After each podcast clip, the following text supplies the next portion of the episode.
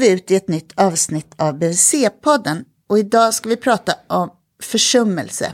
Ett tungt ämne men som jag tänker är extra viktigt för oss som jobbar inom barnhälsovården. För är det någon samhällsinstans som kan göra skillnad när det gäller att upptäcka försummelse hos barn så är det väl vi. Trots det så har vi för ett par år sedan, den senaste siffran jag hittade, så ser jag att vi har anmält tre promille av barnen i Stockholms län till socialtjänsten, som ju är en annan viktig samhällsinstans kring det här. Eh, så det här är nog ett område där vi milt sagt kan bli bättre. Eh, jag heter Malin Bergström, jag är barnhälsovårdspsykolog och idag träffar jag Björn Tingberg som är barnsjuksköterska eh, och psykoterapeut. Och universitetslektor såg jag att det stod. Absolut. Eh, anledningen till att jag är här det är den där rapporten om försummelsen som vi har skrivit på Barnafrid, som är nationella centrum för barnmisshandel och omsorg, eller om försummelse i, på Linköpings universitet. Där jag inte längre jobbar, så den här rapporten var det sista jag gjorde där mm. innan jag slutade. Mm. Vad är bakgrunden till att ni har skrivit den här rapporten? Som vi för övrigt kan länka till så att ni får tillgång mm. till det, ni som lyssnar. Mm, bakgrunden är nog att vi genom åren på Barnafrid och kanske inom, skulle jag säga, inom om barnhälsovården överhuvudtaget har diskuterat försummelse i perioder mycket, men för det mesta inte speciellt ofta alls, för att det är ett sånt svårt ämne. Och när vi tittar i Barnafrid om rapporter, vetenskapliga rapporter och så om försummelse så hittar vi inte speciellt många. Och då tänkte vi att det kanske var dags att göra en ordentlig kunskapsgenomgång, så då sökte vi större studier, metaanalyser och, och forskningsrapporter eh, om försummelse i vetenskapliga litteraturbaser.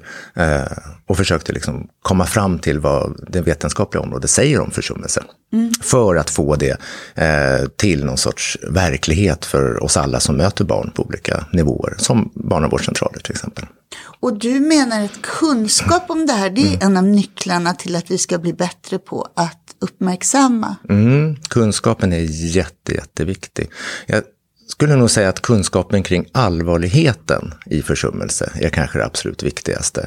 För att försummelse finns, det skulle jag inte säga är någon nyhet eller någon förvåning för någon egentligen.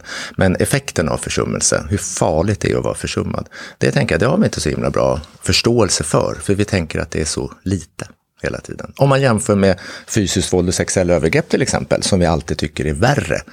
Men det kunde vi ju se bland annat i den här rapporten, men också när jag läser annan eh, litteratur kring försummelse, att eh, konsekvenserna är ju precis lika svåra, lika stora, både på kort och på lång sikt av att vara försummad som att vara utsatt för bara fysisk misshandel eller bara sexuella övergrepp. Och en del av den förklaringen, det är att försummelse är någonting som pågår över tid. Ja, som någon sorts lågintensivt som bara pågår och pågår över tid. Sen är det här över tid intressant att diskutera. Det kanske vi kan komma till senare, vet jag inte. Men eh, det, det, finns någonting svårighet med, med begreppet över tid, tycker jag också. Faktiskt. Eftersom små barns hjärnor och utveckling växer mm. till och går så otroligt snabbt ja. så är det som kanske är över tid för oss som vuxna det är något helt annat ja. än vad det är för små ja. barn. Ja, ja, dels det, för över tid är väldigt mycket längre för barn än för oss vuxna, verkligen. Men jag tänker också att vi använder det som ett skydd för att slippa agera. För vad är över tid egentligen? Eh, enstaka händelser tycker vi inte är någonting och definitionsmässigt kanske inte enstaka händelser är försummelse i ett större perspektiv. Jag glömma vintermössan en gång eller matsäcken en gång på förskolan eller sådär. Det, kanske, det är ju inte försummelse kanske på det sättet. Men när, när blir det det då? Måste man ha glömt matsäcken hundra gånger, är det då det är försummelse? Eller ska barnet frysa 30 gånger när det är 20 minus? När blir det försummelse? Så jag tänker att vi skyddar oss lite också med det där över tid. Men i rapporten är väldigt tydligt på att forskningen säger att det är någonting som är fortgående över tid. Så det, men det där är någonting som jag tror vi får gemensamt tugga runt kring lite och tänka vad över tid är och för vem skull vi tänker över tid faktiskt. Mm. Mm om det är ett skydd för oss själva mm. eller om det faktiskt gagnar barn mm. eller föräldrar att få en chans till. Mm. Eller hur vi nu tänker. Mm-hmm. Men du, vi måste definiera, vad är det ja. vi pratar om? Vad är försummelse? Uh, det finns en hel del definitioner som Eh, används eh, väldigt generellt, framförallt inom forskarvärlden. Och WHO eh, har ju en egen definition om försummelse som är rätt så bred, men bra tycker jag. Jag tycker den funkar fint. Och, nu behöver vi kanske inte läsa upp den nu, den står ju också i kunskapsöversikten. Men, men den, hand, ja, men den handlar väldigt mycket om att barn inte får det de skulle behöva och det de har rätt till vad det gäller alla nivåer egentligen.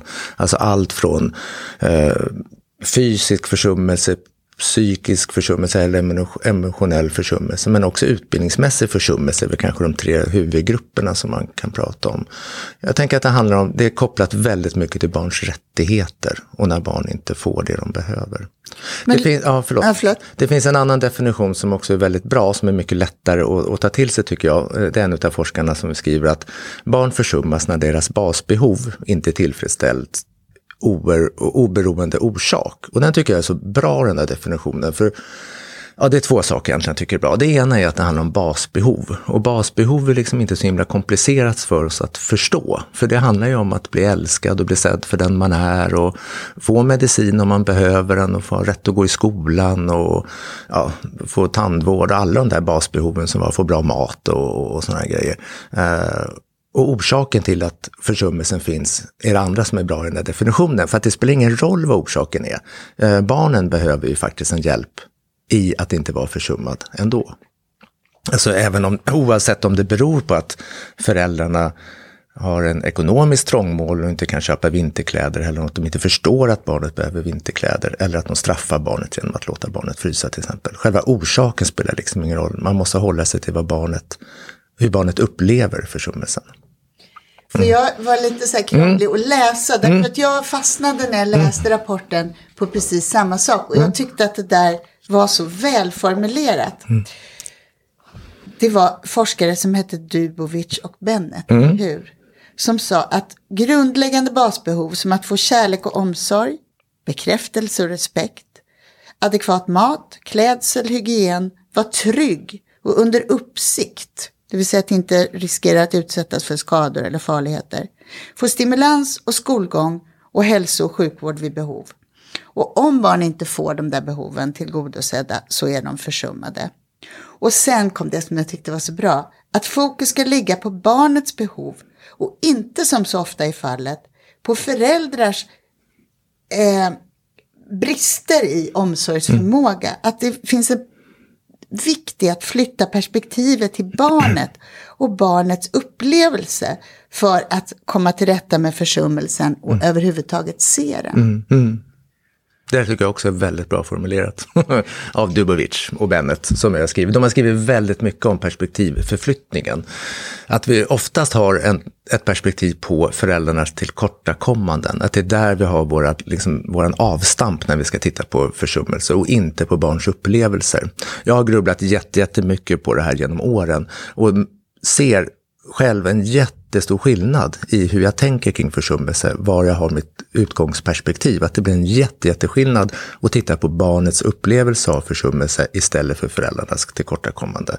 Delvis tror jag att det beror på att vi själva är också vuxna och att vi har väldigt mycket lättare att tänka tänka och försvara föräldrars brister. Eh, vi kommer inte tycka att de är lika allvarliga, för vi förstår dem. Vi förstår att man inte är alldeles superduktig som förälder hela tiden. Och då tappar vi bort barnets upplevelse precis hela tiden. Så det blir, den här förflyttningen blir väldigt stor skillnad i att angripa försummelse som företeelse. Alltså ha avstamp i barnets upplevelse och i ett barnperspektiv blir väldigt, väldigt väldigt mycket mer värdefullt för barnet förstås, än att vi har ett vuxenperspektiv. Där vi kommer gå vilse, där vi kommer ta de vuxnas parti istället och inte agera lika mycket.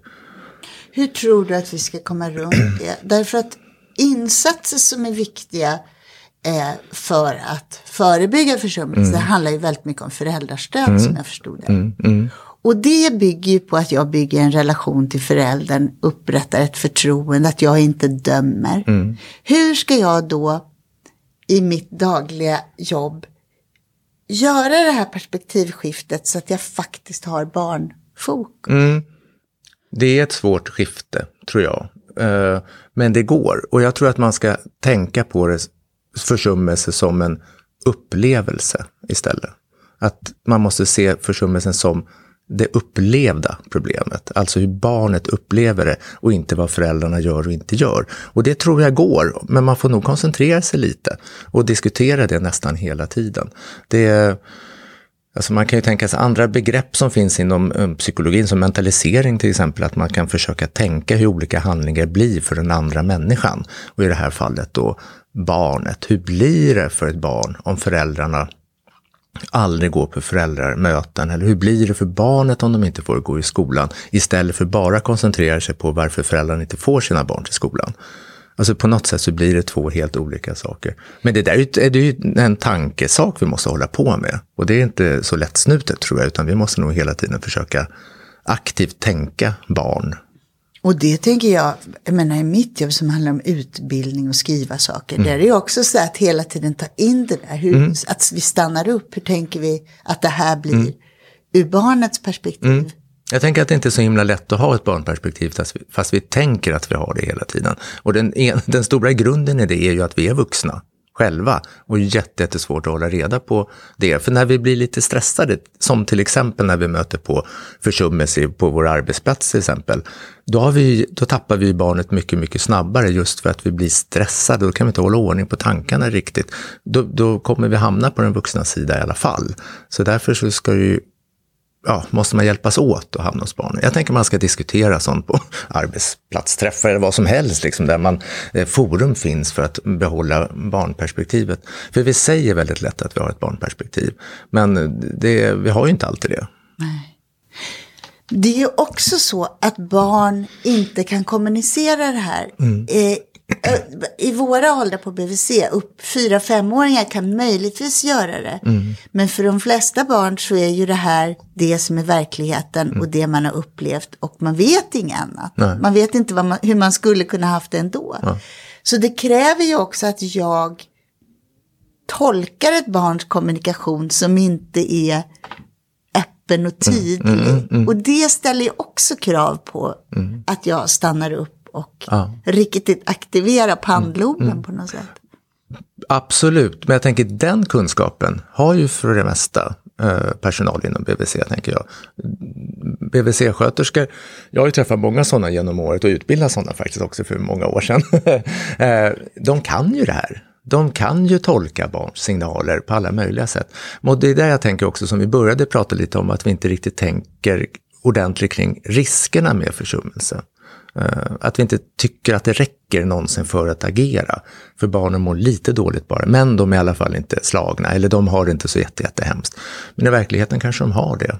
Så ska man ju också komma ihåg, tycker jag, att barn, alltså de visar ju reaktioner rätt eh, sent. Då. Eh, alltså, det är inte så snabbt, Nej. utan de klarar, alltså om de inte har en fullgod behovstäckning så kommer det ta rätt lång tid. De är rätt resistenta mot det. Det kommer dröja innan vi ser sådana tydliga tecken som vi brukar lära oss som en förändrad viktkurva till exempel, eh, sån där, som vi ändå kan reagera lite på. Men även vid de tillfällena, när man observerar en utplanad viktkurva, så kommer vi tänka medicinska orsaker först varför barnet inte går upp i vikt till exempel. Och det dröjer rätt länge innan vi tänker på andra omständigheter, som försummelse till exempel. Det borde kanske komma lite tidigare. Det borde komma tidigare. Mm. För visst är det så att om vi tittar på ett litet barn, så det vi ser hos en bebis, det är väl att barnet kanske blir lugnare och mindre krävande än vad vi egentligen mm. hade önskat i början. Så ja. att det är svårt att se. Mm. Och sen att vi ser beteendeförändringar hos barnet eller uttryck som kan vara att barnet är stökigt, mm. att den är svår att lugna, mm. de kan bli rastlösa, mm. Eh, fariga, mm. eh, få svårt att samla sig och så vidare. Mm, mm.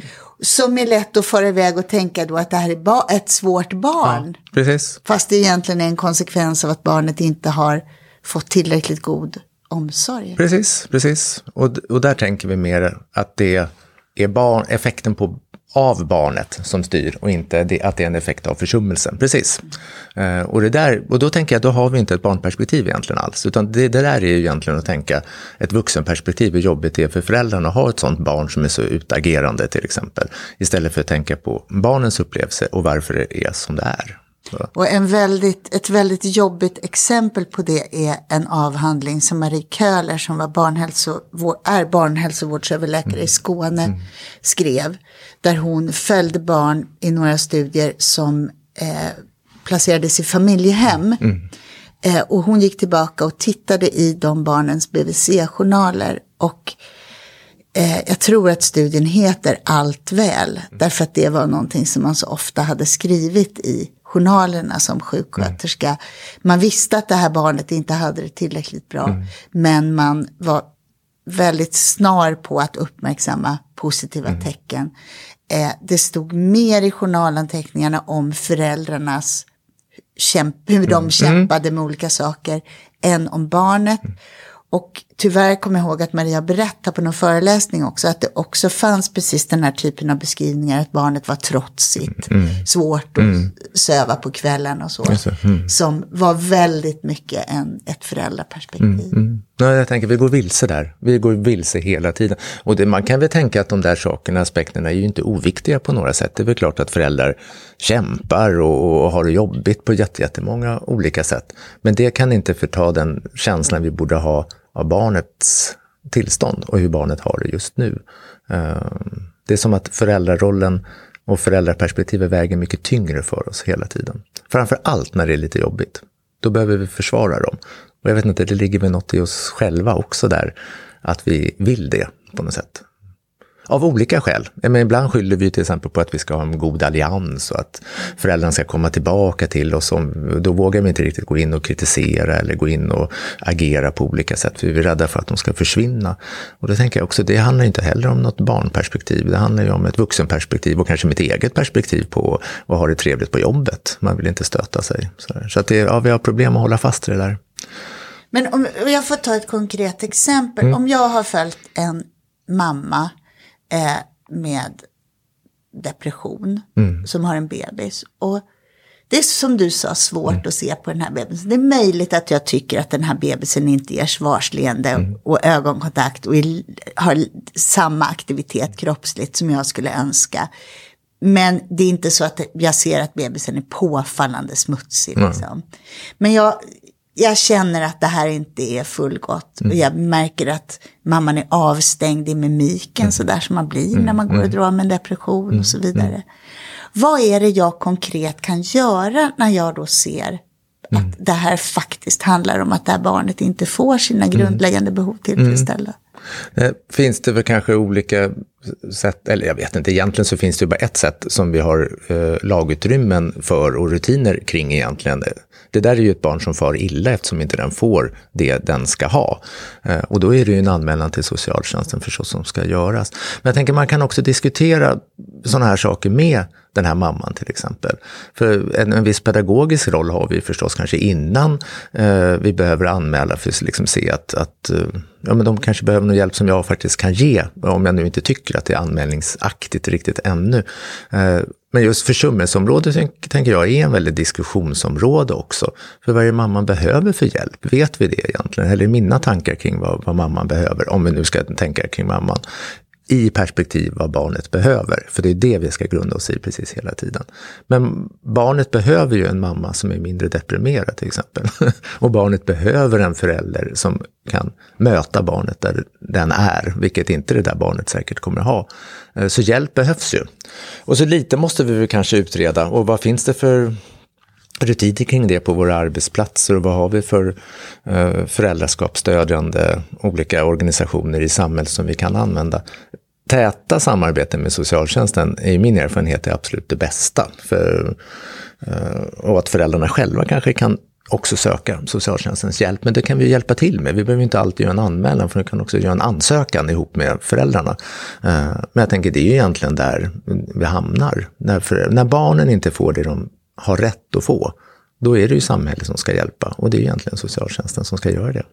Men jag tänker i det här fallet också att dels handlar det om att ta emot behandling för sin depression. Absolut. Och det vet både du och jag hur otroligt svårt det är att pressa på Mm. kring det och säga jag ser hur dåligt du mår. Och då vill man ju jättegärna trösta och säga att Mm. men du räcker och du är inte en dålig förälder. För vi vet att det är Mm. kärnan i den största oron.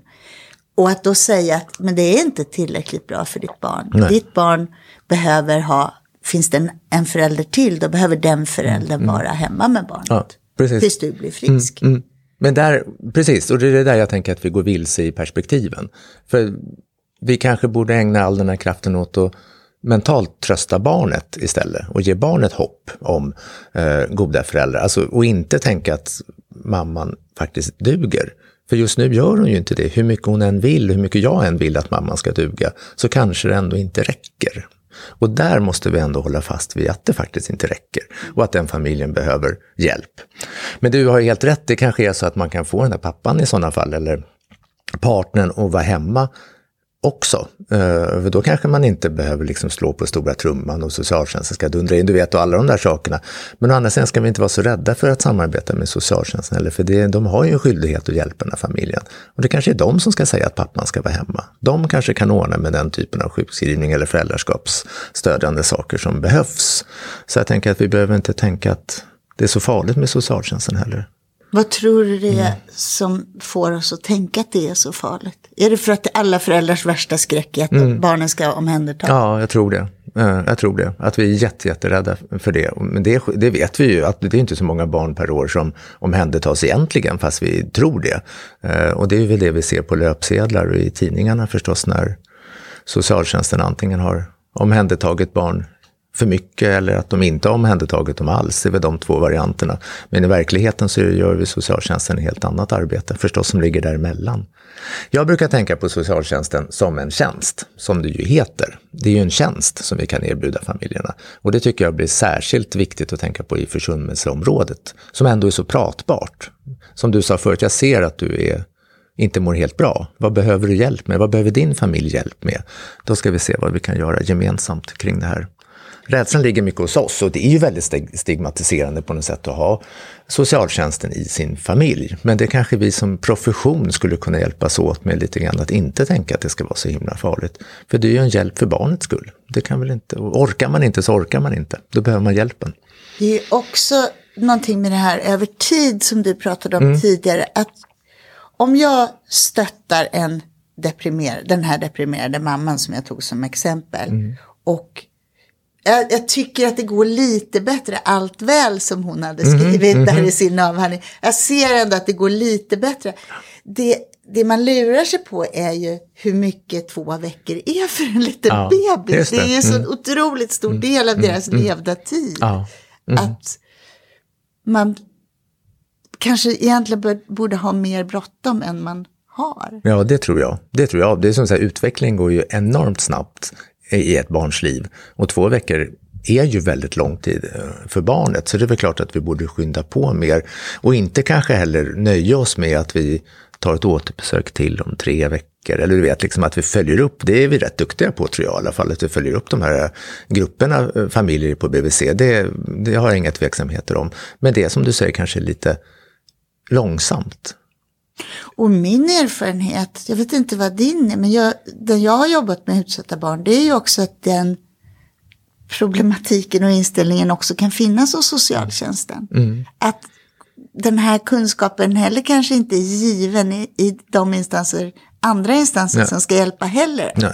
Nu är det faktiskt bråttom, Nej. därför det här är ett barn som är litet. Jag tänker att BVC-sköterskorna kanske har ännu mer förstås kunskap om det än vad socialtjänsten har. Det är därför jag tänker att det är ett samarbete som behövs, där, där barnhälsovården också kan säga att här är det bråttom. Jag tänker att vi är ett samarbete där också. Men att de kanske, myndighetsutövningen kan ju inte vi ha. Men det kan socialtjänsten ha. Så det är därför det är viktigt med ett samarbete. Men kunskapen kring barnets välmående, det har ju BVC. Så att, och där finns ju kunskapen. Så, och det är inte jag så orolig över. Jag tycker BVC-sköterskorna och andra inom BVC har en jättehög kompetens. Det är inte där det, det är. Det är reaktionerna och att agera som är lite eh, skralare med emellanåt. I alla fall. Men reaktionerna, vi säger att jag som sjuksköterska, jag ser det här, jag, jag kopplar på min barnblick och ser det här. Då säger du vi ska anmäla till socialtjänsten, vi ska göra andra insatser. Men hur ska jag kommunicera med föräldrarna då?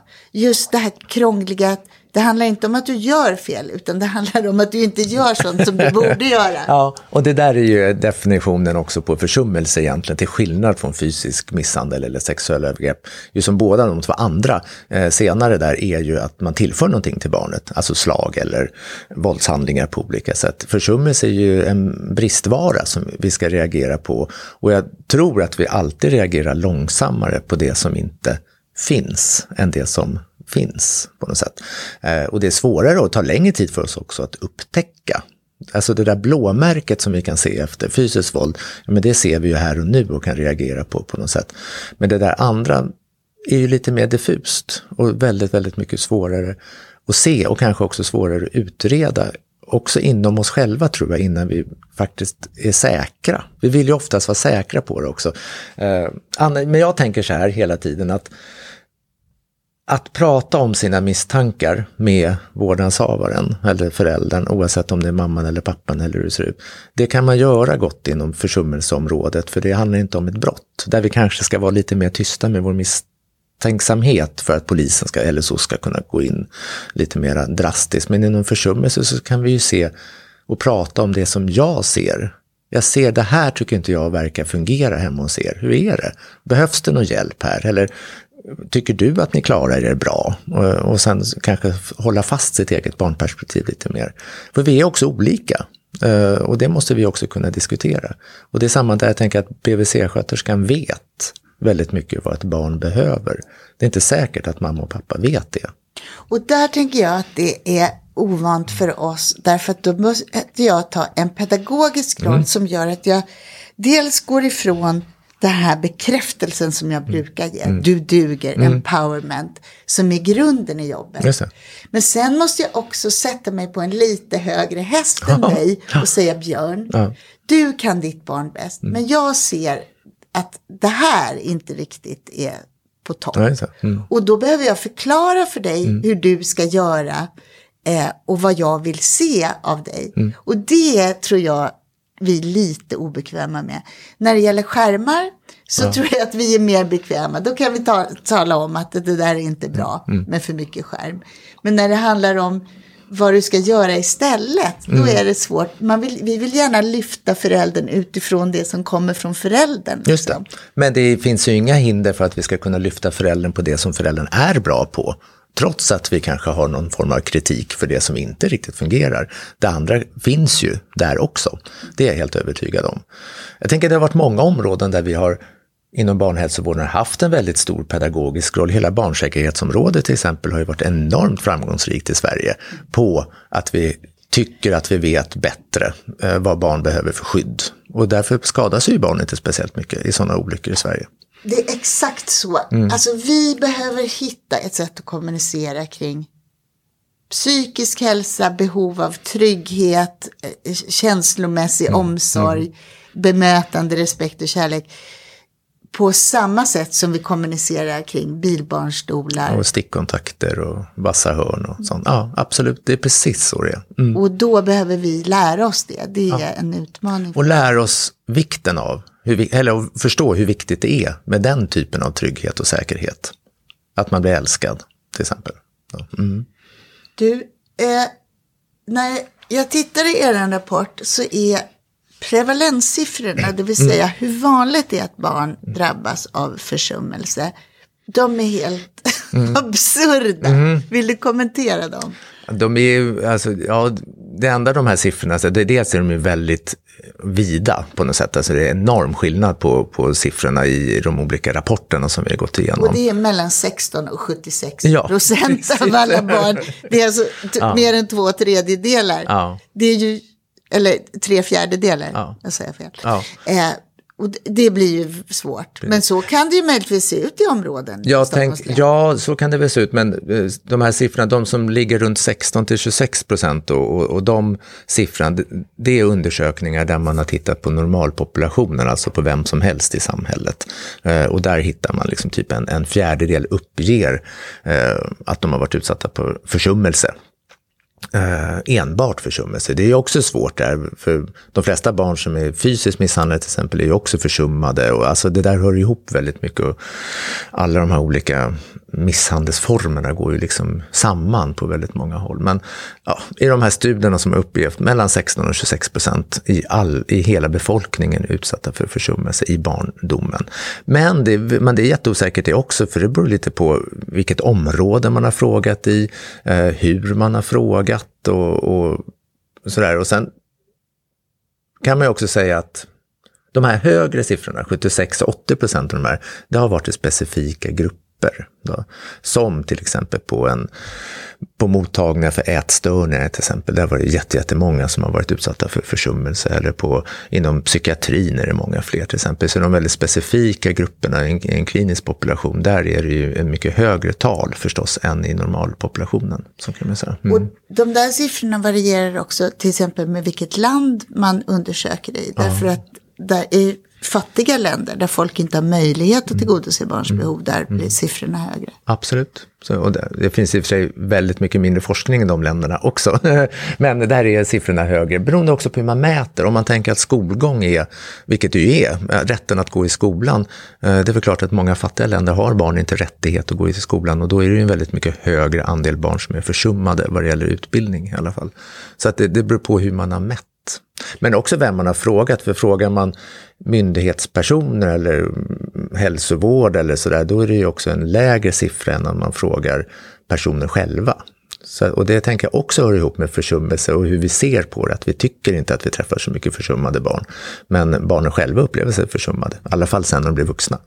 Och det du sa, det var att när man tittar eh, inom vuxenpsykiatri, ätstörningsvård, mm. kanske beroendevård, mm. Mm. då ser man att det här är människor som som varit försummade under barndomen. Mm. Det betyder att det alltså finns ett sånt samband. Att mm. om jag blir försummad som liten, då ökar risken för mig att jag som mm. vuxen kommer att mm. få psykiatrisk sjukdom. Absolut. Mm. På samma sätt som att man var fysiskt misshandlad eller utsatt för sexuella övergrepp. Det är liksom ingen skillnad på konsekvenserna på lång sikt på att vara försummad. Sen är det förstås olika, det finns ju någon sorts dos eh, relation också till effekter. ju mer försummad man är, ju tidigare försummelsen börjar i ens liv, ju större konsekvenser kommer det få senare i livet. Så är det ju också. Och jag tänker att det är det också som gör det svårt med försummelse, för att det är så många olika saker. Det, det är så brett område. Och så, alltså det är jätteskillnad att vara försummad genom att inte få någon mat till exempel.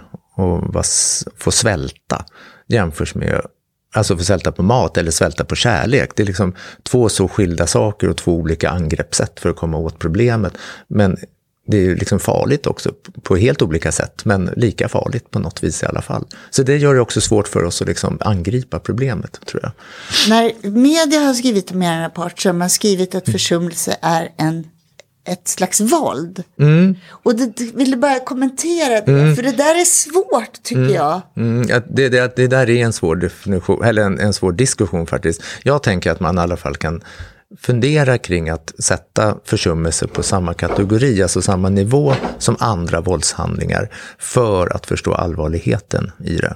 Sen haltar den eh, kanske definitionen på något sätt för att Våld är just det vi tänker att det är tillfört någonting. Och försummelse är som sagt en brist. Och frågan är om man kan tänka att en bristsituation är en våldshandling. Eh, det, det kanske semantiskt blir väldigt svårt att tänka så i alla fall. Men jag tycker ändå att det finns en... Det är viktigt att vi diskuterar det för att det ska komma på samma allvarlighetsnivå som andra typer av våld. Barn som far illa är kanske ett begrepp som vi använder lite bredare och där är det mycket lättare att tänka att försummelse ingår på samma nivå som fysiskt våld eller sexuella övergrepp. Eh, men jag skulle nog säga att försummelse är våld också. Mm. För mig känns det vettigt för att konsekvenserna är så stora. Jag tycker också att man kan tänka det som ett sätt för att göra barnets rättigheter tydliga. Mm. Mm. Om vi säger att barn de facto har rätt till mm. kärlek, mm. vägledning, mat mm. och, och, och de inte får det mm. tillgodosett, då blir det lättare att se vad bristerna på något sätt. Ja, men jag håller med. Jag håller med. Och att det kan räcka. Alltså att det räcker räcker. Det, jag tänker att vi tycker att en örfil räcker för att reagera, men vi tycker inte att försummelse räcker nästan någonsin. Det, och det är också för myndighetsutövning. Jag har pratat jättemycket med folk inom socialtjänsten som är helt förtvivlade över att deras, alltså, eh, de kan nästan aldrig göra stora insatser i familjer när det bara är försummelse, för att det räcker inte enligt regelverket. Ah. De kan inte omhänderta ett barn eller placera det bara på försummelse, om det inte är extremt förstås, för då, då kan ju det funka. Men annars så tycker de aldrig att det räcker. Då, och det där är ett jätteproblem för dem, för det gör att inte de kan göra så stora effekter i familjerna heller. Och där mm. känner man att er kunskapsöversikt kan göra stor mm, skillnad. Mm, det är jättemånga från socialtjänsten som har hört av sig och tycker att det är liksom bra att få någonting formulerat kring försummelse. Mm. För det där, ja det inser man att det där behöver förändras. Mm, mm. verkligen, verkligen. Du, om vi på BVC konkret ska titta, vad finns det för riskfaktorer för att jag som förälder ska utsätta mitt barn för det här eller inte ge dem det de borde få? Ja, förutom psykisk sjukdom som är, är, en sån stor del och som alla i den här forskningsrapporten, alla forskare liksom lyfter ju liksom psykisk ohälsa som en stor riskfaktor. Men det finns ju flera riskfaktorer som eh, beroende lite på barnens ålder, men BVC de första åren, med fattigdom är ju också en sån här stor del eh, i risker eh, på olika nivåer. Eh, men annars så handlar det väldigt mycket om att inte förstå sitt barn till exempel, att inte kunna lyssna på barnens signaler. Och så behöver inte bara handla om att föräldrarna är deprimerade, det kan ju finnas andra orsaker till att man inte lyssnar på sitt barn. Uh, för stora förväntningar på barnet till exempel. Eller massa andra sådana olika saker som vi ändå kan se inom BVC uh, som vi borde reagera på. Ja. Nu kan inte jag låta bli att berätta om min granne när mina barn var små. Eh, som en morgon var så upprörd och sa att det är helt obegripligt att mitt barn kommer för sent till förskolan. Då var barnet tre år. Mm hen förstår inte att hen måste borsta tänderna och i tid och mm. sen ge sig iväg. Utan mm. det är alltid förseningar till den här samlingen. Det tyckte jag var ja. sådär. Det, jag menar, det här hände ju liksom för 20 år sedan. Mm. Och ändå så är det sådär glasklart i mitt minne. För det var ett så mm. tydligt mm. exempel på att om jag inte förstår att en treåring behöver hjälp av föräldern med det här, då blir barnet försummat. Ja, eller hur? Då blir barnet försummat. Det där är ett jättebra exempel på det också. En förståelse för barns liv överhuvudtaget, det ska ju en förälder ha. Och där kanske vi behöver hjälpa till, ibland också inom barnhälsovården till exempel. Men också inom förskoleverksamheten. De har ju också en jättebra arena för att se försummelse. De anmäler ju inte heller speciellt mycket, även om de anmäler bra många fler än tre promille. Så, men de anmäler inte så mycket från förskolan heller. Det gör de inte. Och jag tänker att både vi på BVC men framförallt i förskolan också kan kompensera. Ja. Att, alltså det är därför vi har de här samhällsinstanserna mm. för att skydda barn mm. och kompensera i en vardag där barn inte får det de behöver. Just det, men vi kompenserar ju också kanske lite för mycket ibland utan att agera på andra mm. sätt.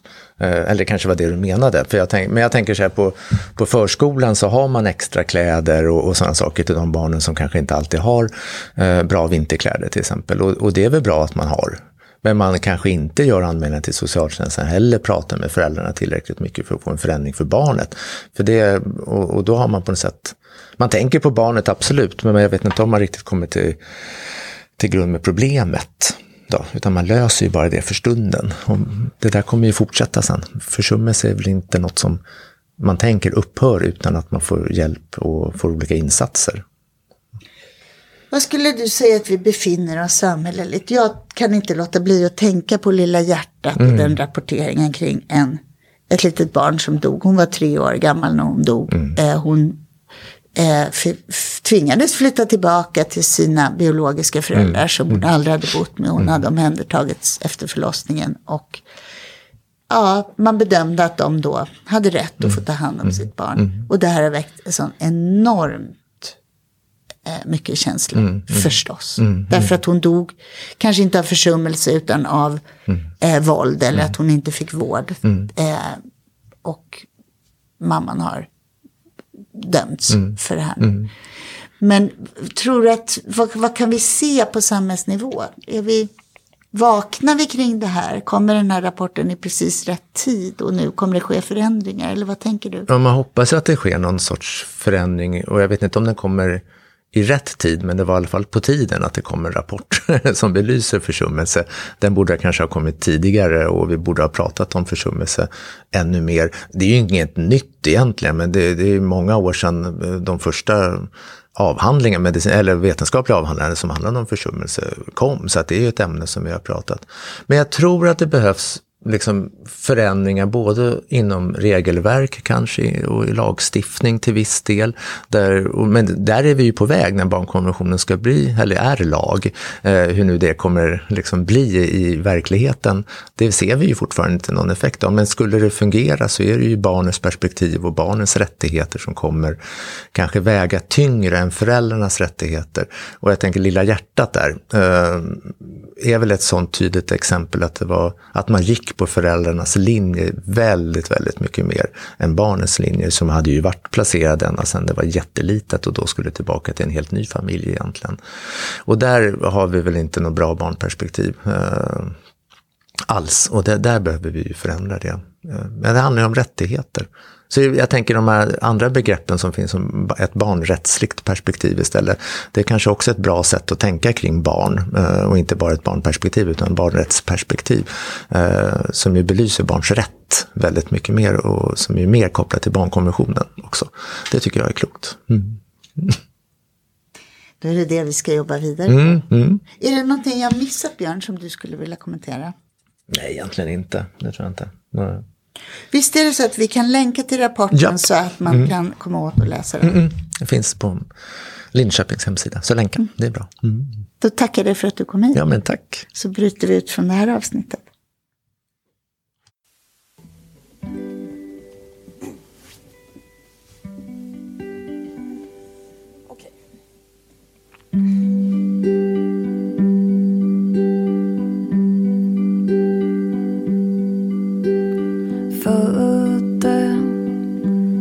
Barn till Björn Olsson.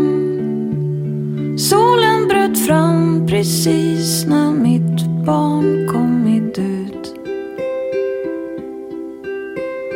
Låg i en pöl av svett och blod. Barnmorskan sa jag såg din spelning på Luleå kulturhus. Hörde fåglarna sjunga om vår